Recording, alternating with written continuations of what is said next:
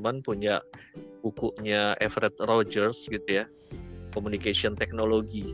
Nah, dia menyebutkan mengenai masalah perkembangan komunikasi manusia dapat ditelusuri sejak 4000 tahun sebelum Masehi gitu ya.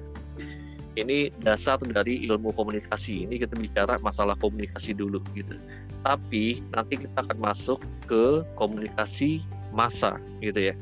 Karena urutannya tuh antara teori komunikasi dengan komunikasi massa tuh urutannya ketat banget gitu.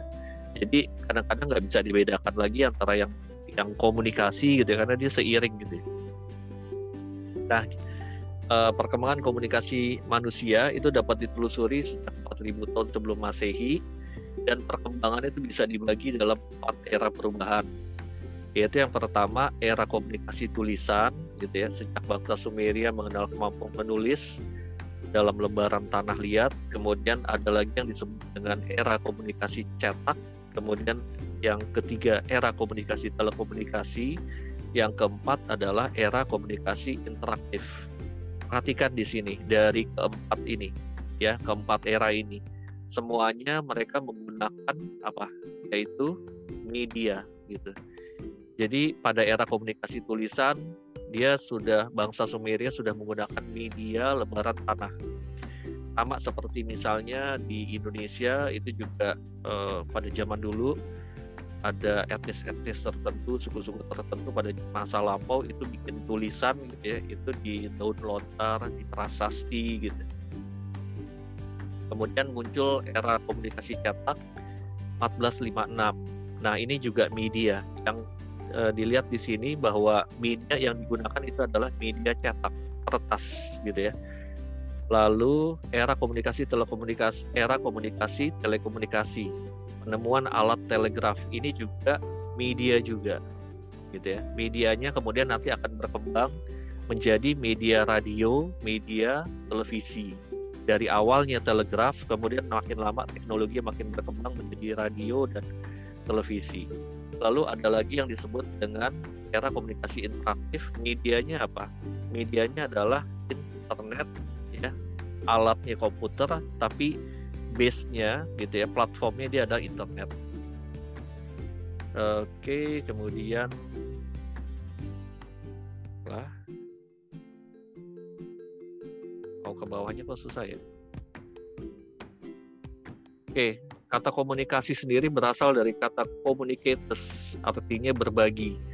Jadi kalau dilihat dari definisi atau konsepnya gitu ya, pemahamannya komunikasi itu menunjuk kepada satu upaya yang bertujuan berbagi untuk mencapai kebersamaan. Ini kalau kita lihat di Webster kan satu proses pertukaran informasi. Gampangnya sih begitu ya. Yang disebut dengan komunikasi adalah proses pertukaran informasi di antara individu melalui sistem lambang, tanda, tingkah laku.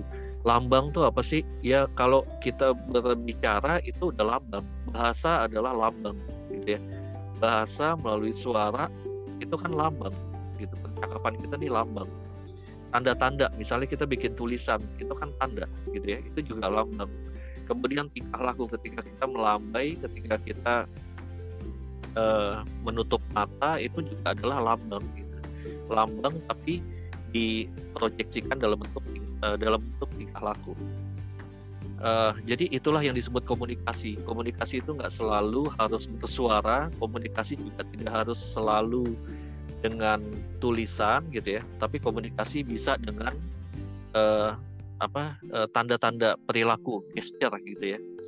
Jadi seiring dengan perkembangan ilmu komunikasi sebagai ilmu pengetahuan multidisiplin dan definisinya kemudian juga uh, semakin beragam gitu. Kemudian definisi yang diberikan oleh para ahli itu semakin banyak tergantung dari si ahlinya. Ahli komunikasinya ini backgroundnya apa gitu. Kan banyak ya ada ahli komunikasi yang dia backgroundnya sebenarnya awalnya dari psikologi. Ada yang ahli komunikasi berawal sebelumnya dia adalah ahli teknologi gitu ya, ahli elektronik itu banyak banget gitu. Ada yang ahli sosiologi. Jadi definisi yang diberikan itu kadang-kadang juga tergantung dari si si orang ini, si ahli ini dia sebenarnya background awalnya dia apa?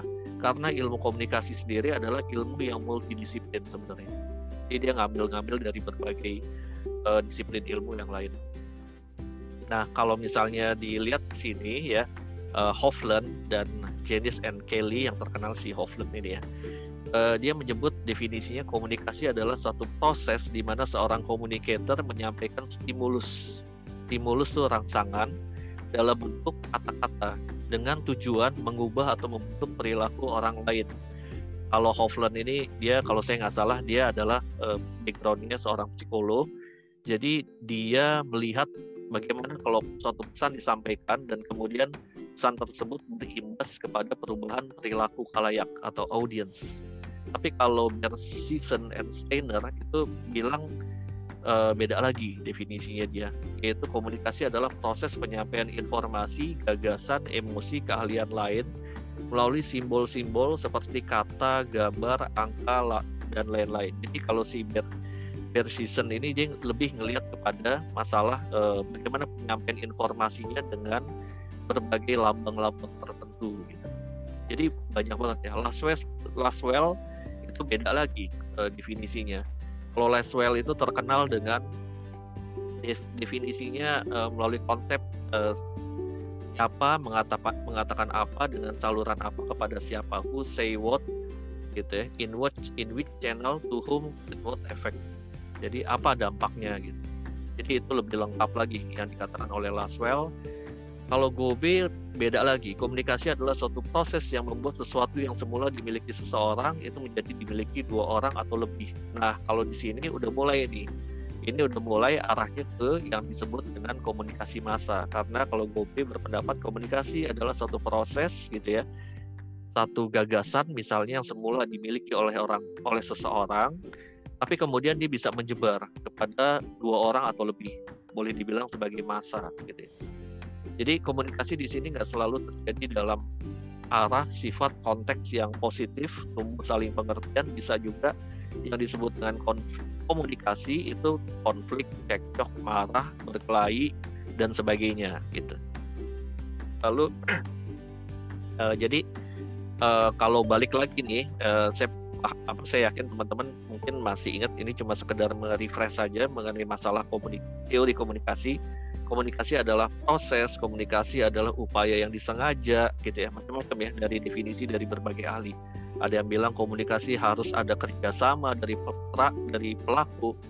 Kemudian ada yang bilang komunikasi itu bersifat simbolis, tanda-tanda. Kemudian ada lagi ahli yang mengatakan komunikasi bersifat transaksional, dia harus ada respon jadi seseorang ngomong apa itu baru bisa disebut komunikasi kalau itu direspon. Tapi kalau nggak mendapat respon itu bukan komunikasi. Ada lagi yang bilang, wah komunikasi itu harus dia menembus faktor waktu dan ruang. Nah, inilah yang yang arahnya ke arah komunikasi massa di mana kalau komunikasi massa itu pesan itu bisa menembus waktu dan ruang gitu ya.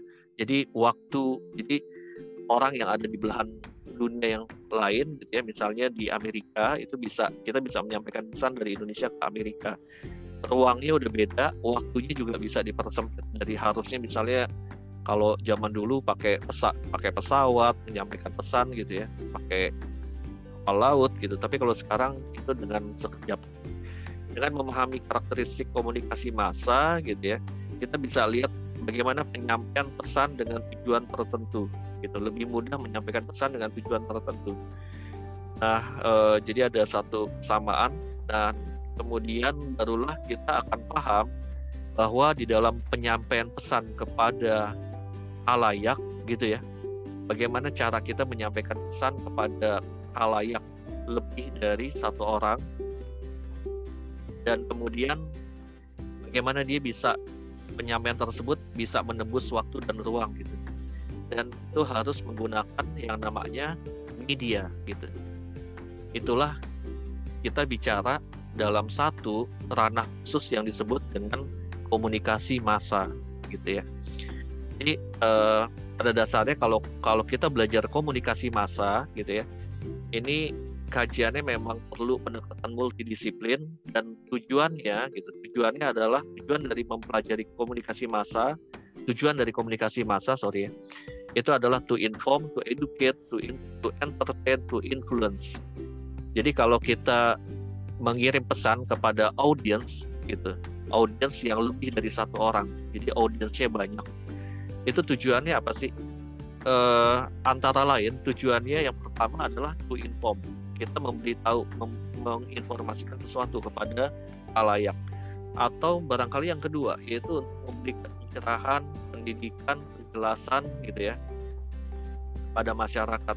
Atau untuk mengentertain untuk menghibur dan yang terakhir adalah to influence untuk mempengaruhi kalayak gitu jadi ujung-ujungnya kalau kita mempelajari yang disebut dengan komunikasi massa itu kisaran itu di empat ini gitu. Kira-kira seperti itu. Kemudian uh, fungsi sosial media massa itu ada beberapa fungsi ya. Nah yang pertama itu adalah ada tiga, yaitu yang pertama social surveillance, yaitu pengawasan sosial. Yang kedua adalah korelasi sosial, ya, dan yang ketiga adalah sosialisasi. Kalau yang pertama fungsi pengawasan sosial, uh, jadi bagaimana media, bagaimana melalui komunikasi media, ya komunikasi massa yang menggunakan media, gitu. Uh, media tersebut kemudian bisa menjadi alat untuk melakukan pengawasan sosial. Barangkali teman-teman pernah dengar kalau yang disebut dengan media, dia merupakan uh, disebut juga media adalah pilar keempat. Media massa sering disebut sebagai pilar keempat dalam sebuah negara yang demokrasi. Nah, uh, disebut pilar keempat adalah sebagai uh, pilar yang berikut setelah yang yang legislatif, eksekutif dan yudikatif. Dan pers gitu ya atau media itu dia melakukan pengawasan terhadap yang lain, terhadap yang legislatif, eksekutif, dan yudikatif ini gitu. Uh, itu yang disebut dengan fungsi pengawasan sosial. Kemudian yang kedua ada fungsi korelasi sosial, memberikan informasi dan interpretasi menghubungkan satu kelompok sosial dengan kelompok yang lain. Jadi media gitu ya, media di dalam komunikasi massa itu juga berfungsi untuk menghubungkan uh, misalnya dalam satu negara ada pulau-pulau tertentu orang-orang yang terisolir gitu ya antara satu provinsi dengan provinsi menghubungkan antara satu negara dengan negara lain memerlukan media gitu.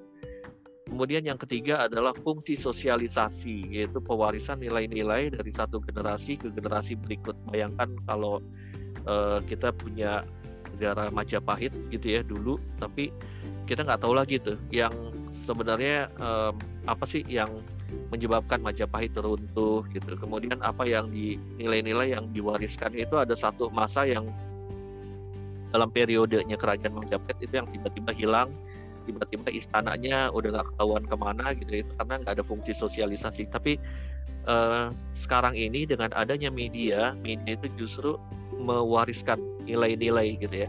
Jadi kita tahu sejarahan dari satu negara, sejarah ke kesejarahan dari satu uh, apa struktur sosial gitu ya. Kesejarahan dari satu perubahan uh, satu negara di mana tadi misalnya tidak demokratis tiba-tiba sekarang jadi demokratis.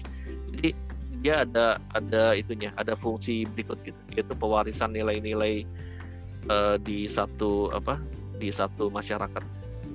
Kemudian uh, itu teman-teman. Jadi kalau dilihat dari hakikat komunikasi ya antara kom teori komunikasi dengan komunikasi massa itu sebenarnya erat banget kaitannya gitu. Kita bicara komunikasi intinya kalau yang disebut dengan komunikasi itu saya stop share dulu ya. Oke. Jadi intinya kalau yang disebut kom, uh, teori komunikasi itu kan pada dasarnya bagaimana bagaimana individu gitu ya mengirimkan pesan kepada orang lain atau kepada kelompok masyarakat lain gitu.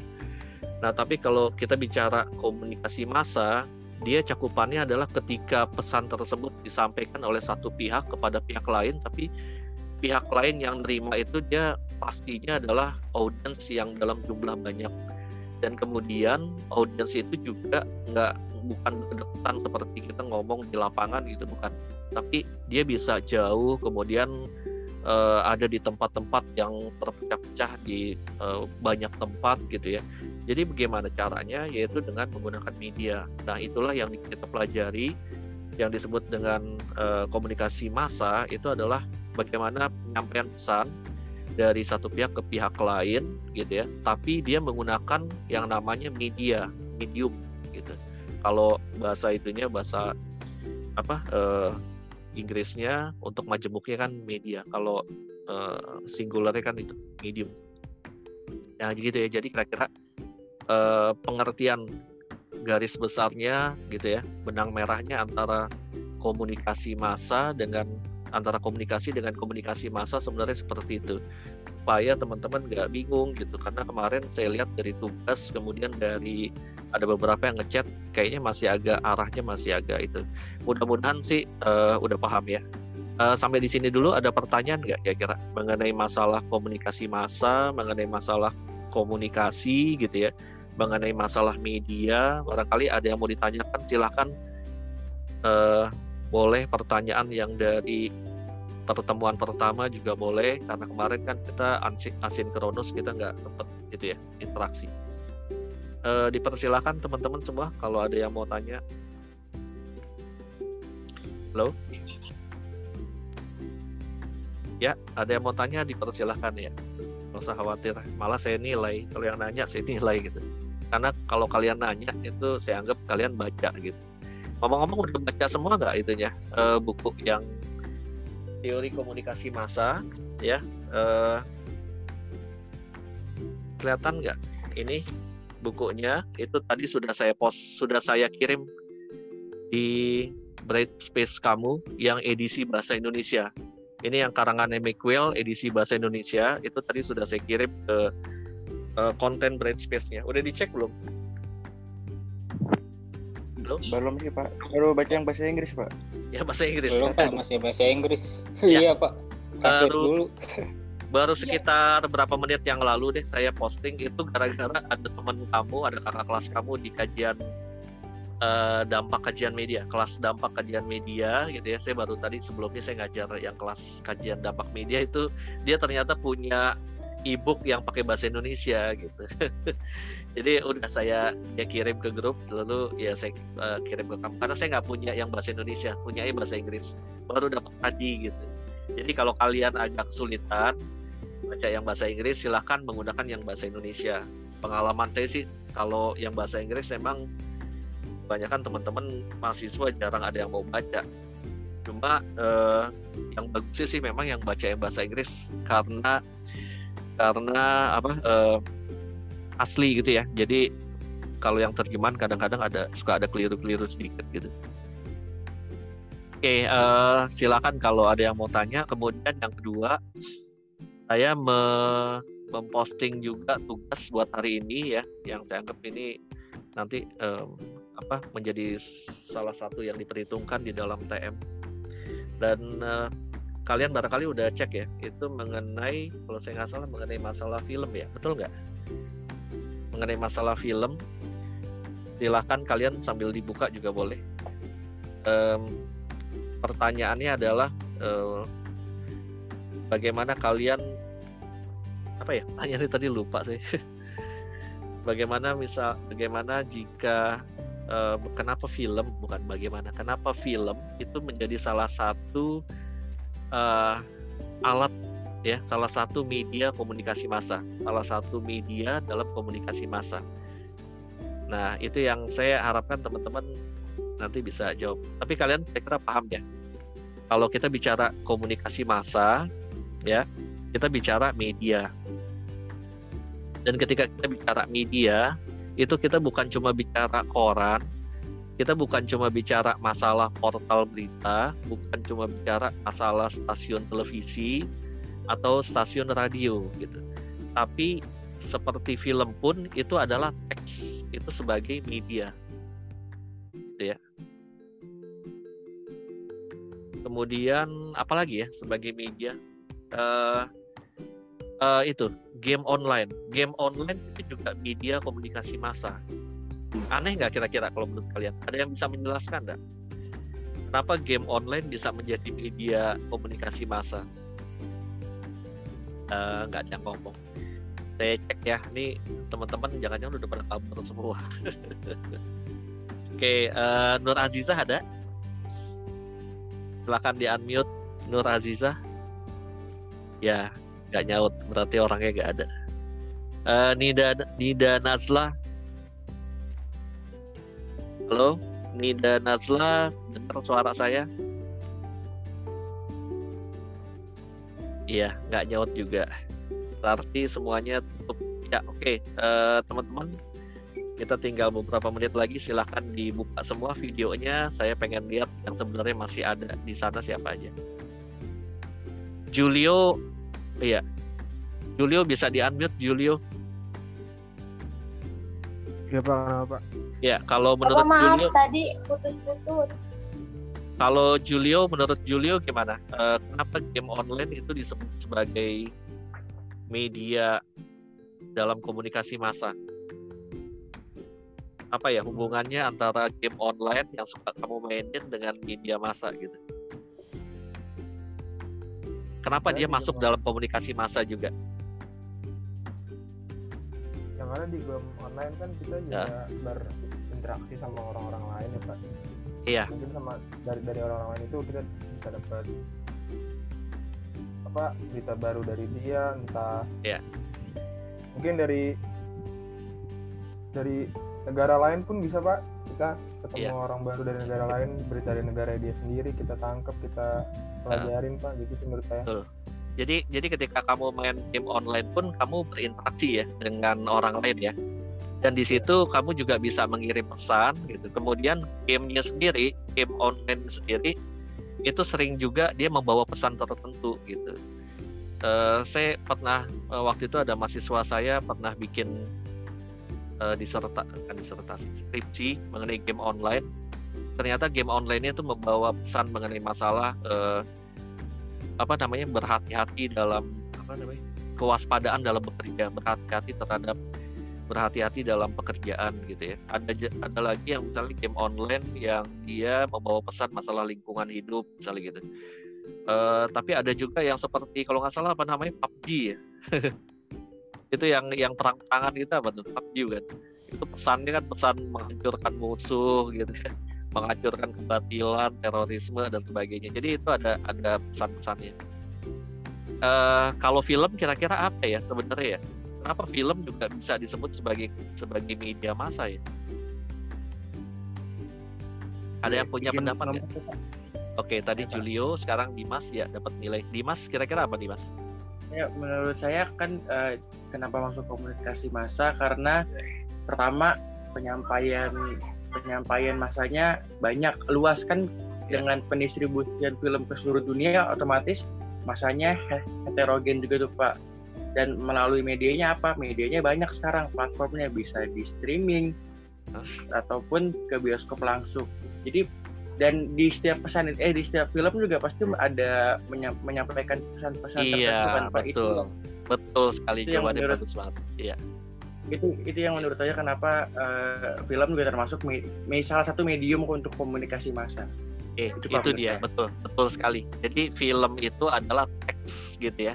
Dalam uh, teks atau artefak budaya film itu dia nggak nggak hadir dengan sendirinya. Tapi film itu muncul itu juga karena dipengaruhi oleh konteks sosial konteks budaya setempat gitu. Jadi dalam film itu ada pesan-pesan tertentu gitu misalnya kayak film G30 SPKI itu ada pesan mengenai uh, apa kewaspadaan terhadap komunisme.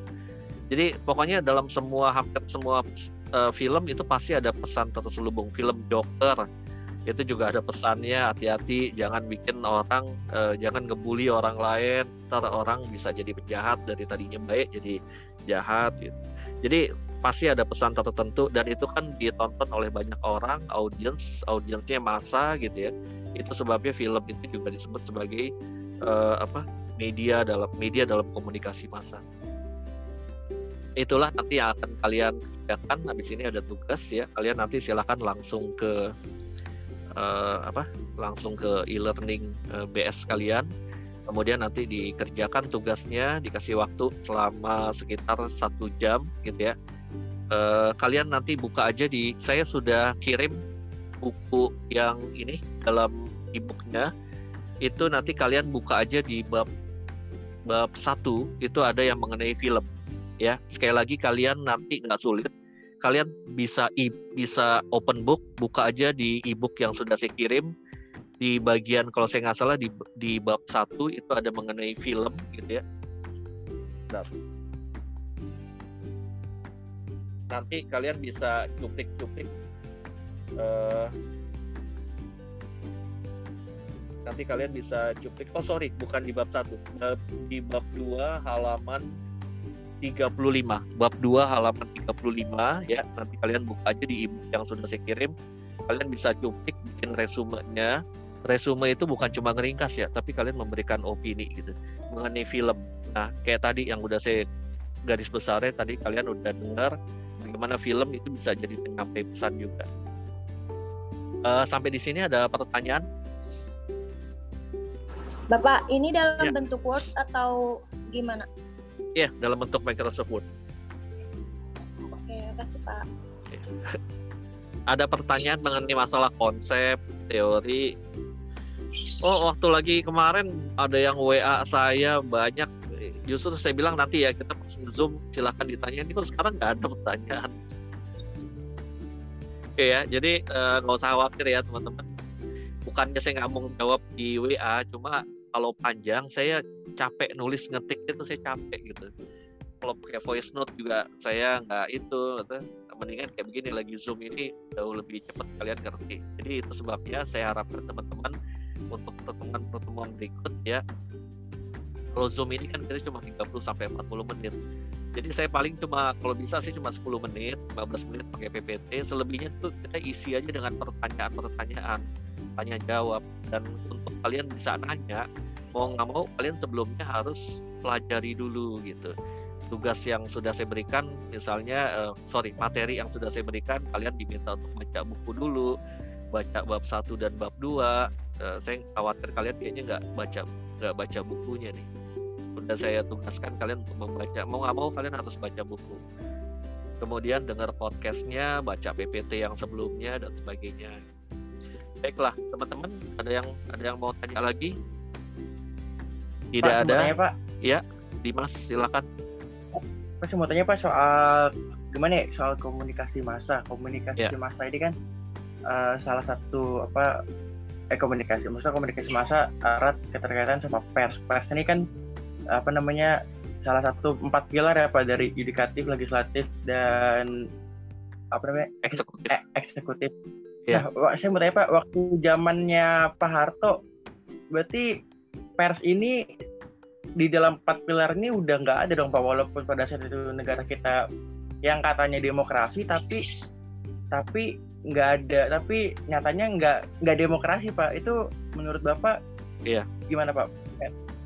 Iya. Masih, maksudnya kayak apakah pada saat itu ada, ada nggak sih pelajaran kayak komunikasi masa ini yang yang ngasih tahu kayak gitu pak yeah, yeah. dan padahal penerapannya itu nggak nggak okay. nggak ada gitu jadi pada zaman Soeharto memang yang disebut pilar keempat itu nggak ada gitu uh, nanti kalau ini apa terus kita lanjut bentar ya di WA jadi pada zaman Soeharto nggak bisa disebut sebagai pers tidak bisa disebut sebagai pilar keempat karena tidak demokratis uh, pilar pilar keempat hanya ada di negara demokratis gitu ya.